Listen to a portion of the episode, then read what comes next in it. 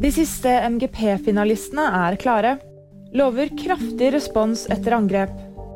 Og venter forrykende regnvær.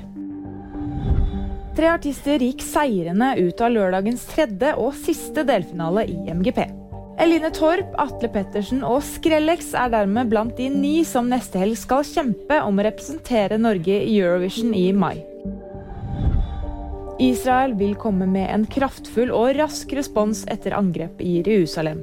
Det sier Israels president Benjamin Netanyahu.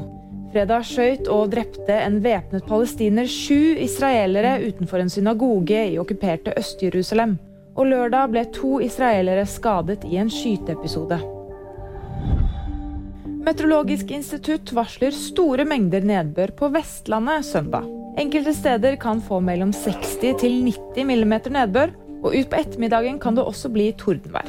Varselet gjelder fra Rogaland i sør til Trøndelag i nord. Det var VG nyheter, og de fikk du av meg, Fride Rivø Lie.